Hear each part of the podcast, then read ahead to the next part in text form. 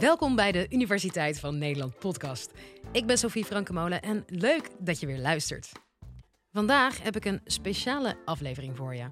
Want naast onze vertrouwde colleges maken we ook een andere serie, genaamd Op de Proef gesteld.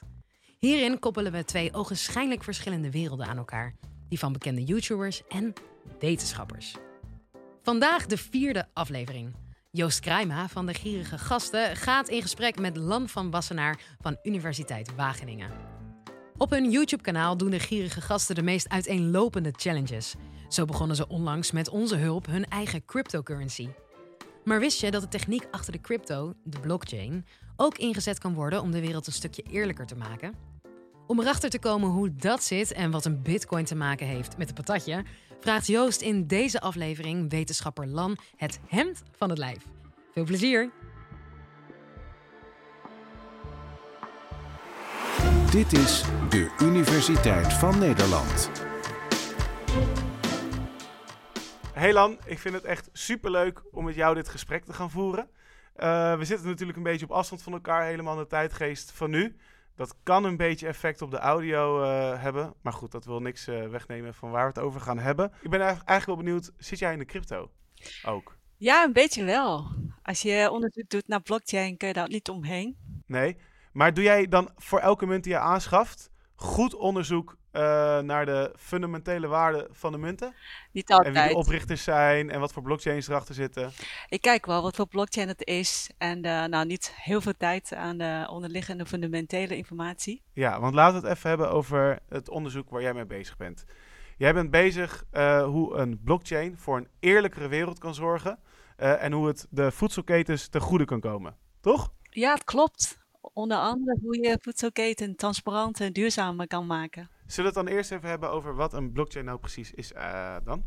Ja, dat is goed. Een blockchain is eigenlijk een soort gedeeld uh, boekhoudsysteem. Je moet uh, je voorstellen dat in een netwerk van mensen, dat je als je soms gezamenlijke informatie wil hebben en dan kun je dan iedereen informatie laten invoeren en controleren, dan heb je dan een gezamenlijk boekhoudboekje.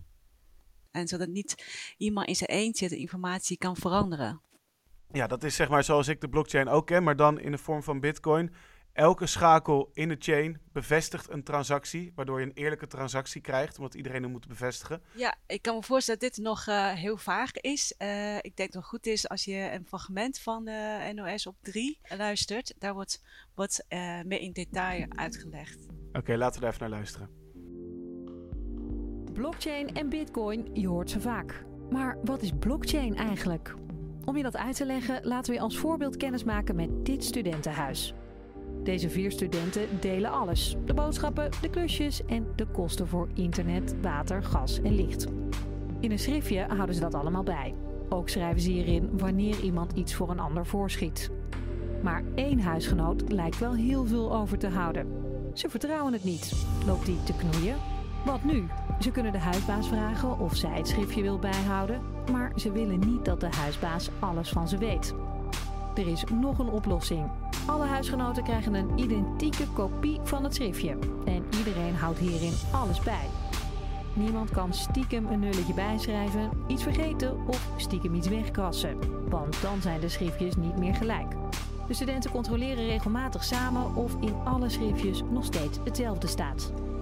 Nogal omslachtig natuurlijk, zo op papier, maar zo werkt de blockchain ook ongeveer, maar dan digitaal.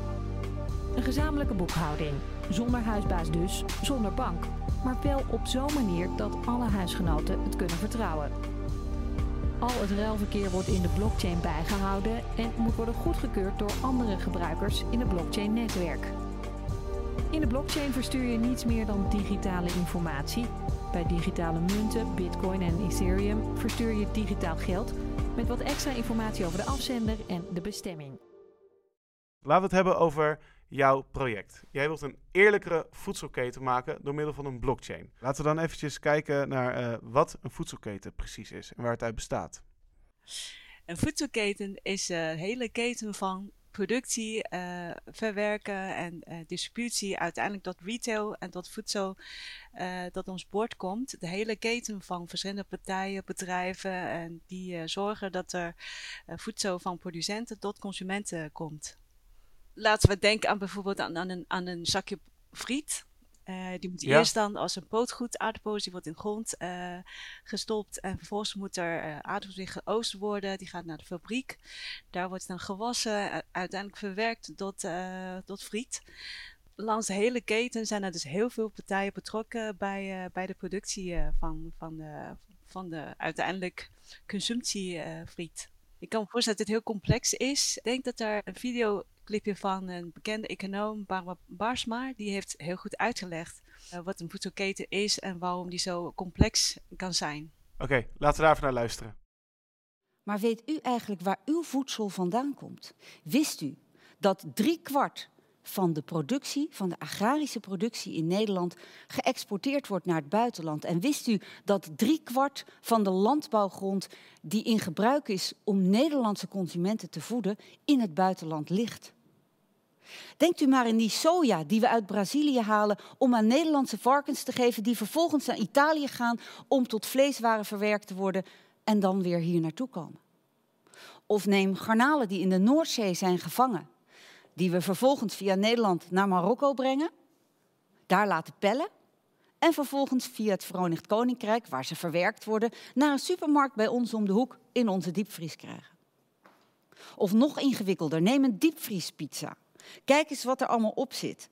En hoeveel verschillende landen je dan wel niet voorbij ziet komen, dat is echt heel veel. En neem er dan een kopje koffie uit Colombia bij, een glaasje wijn uit Australië en het telt zo op tot 30.000 kilometer.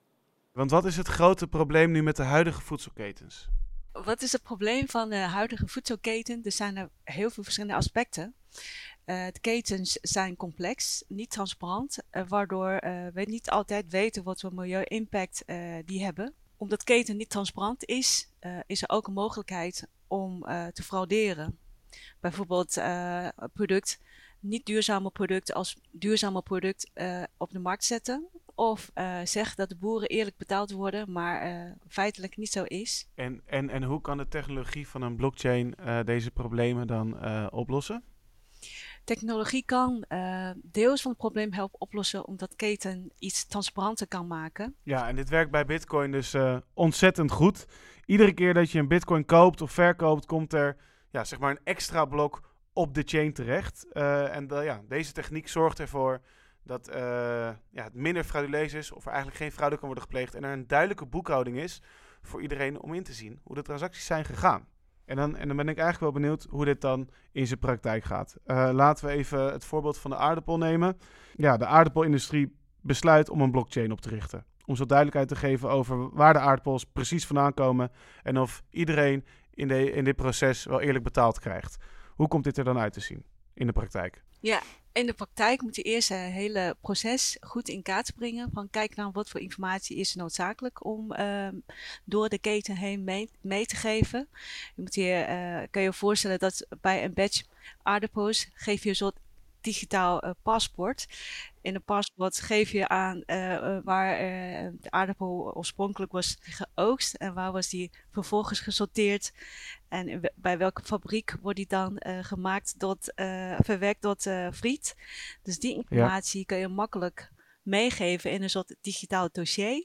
En eh, dat is dan via de blockchain eh, makkelijk te controleren, zodat de partijen niet zelf eh, kunnen veranderen. Denk aan dat, net als ons coronatest, die kun je makkelijk Ja. fotograferen. En dan Ja. heb je een transparant, traceerbare keten.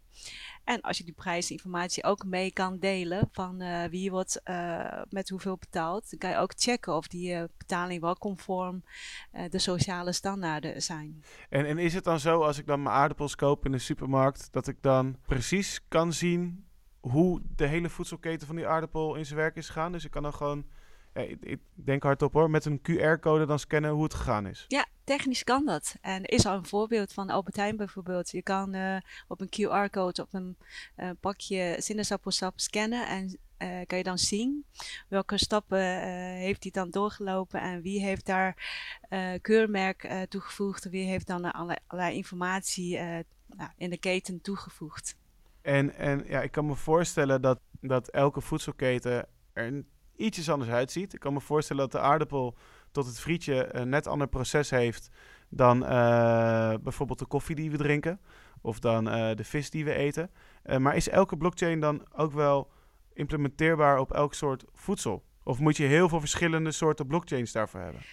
Je moet inderdaad heel veel soorten blockchains hebben. Dus je moet je nagaan voor elke keten moet je andere soorten afspraken gemaakt worden met andere partijen. Dus net in elke keten moet je een, bijna een kabinetvorming doorlopen om die afspraak vast te leggen.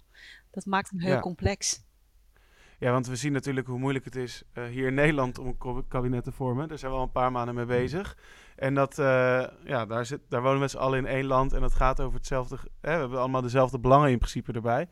Uh, moet je nagaan als het zometeen is dat je een coalitie moet vormen waarbij de ene consument misschien in Europa zit, de leverancier zit in Zuid-Amerika en degene die het voedsel verwerkt zit in Afrika.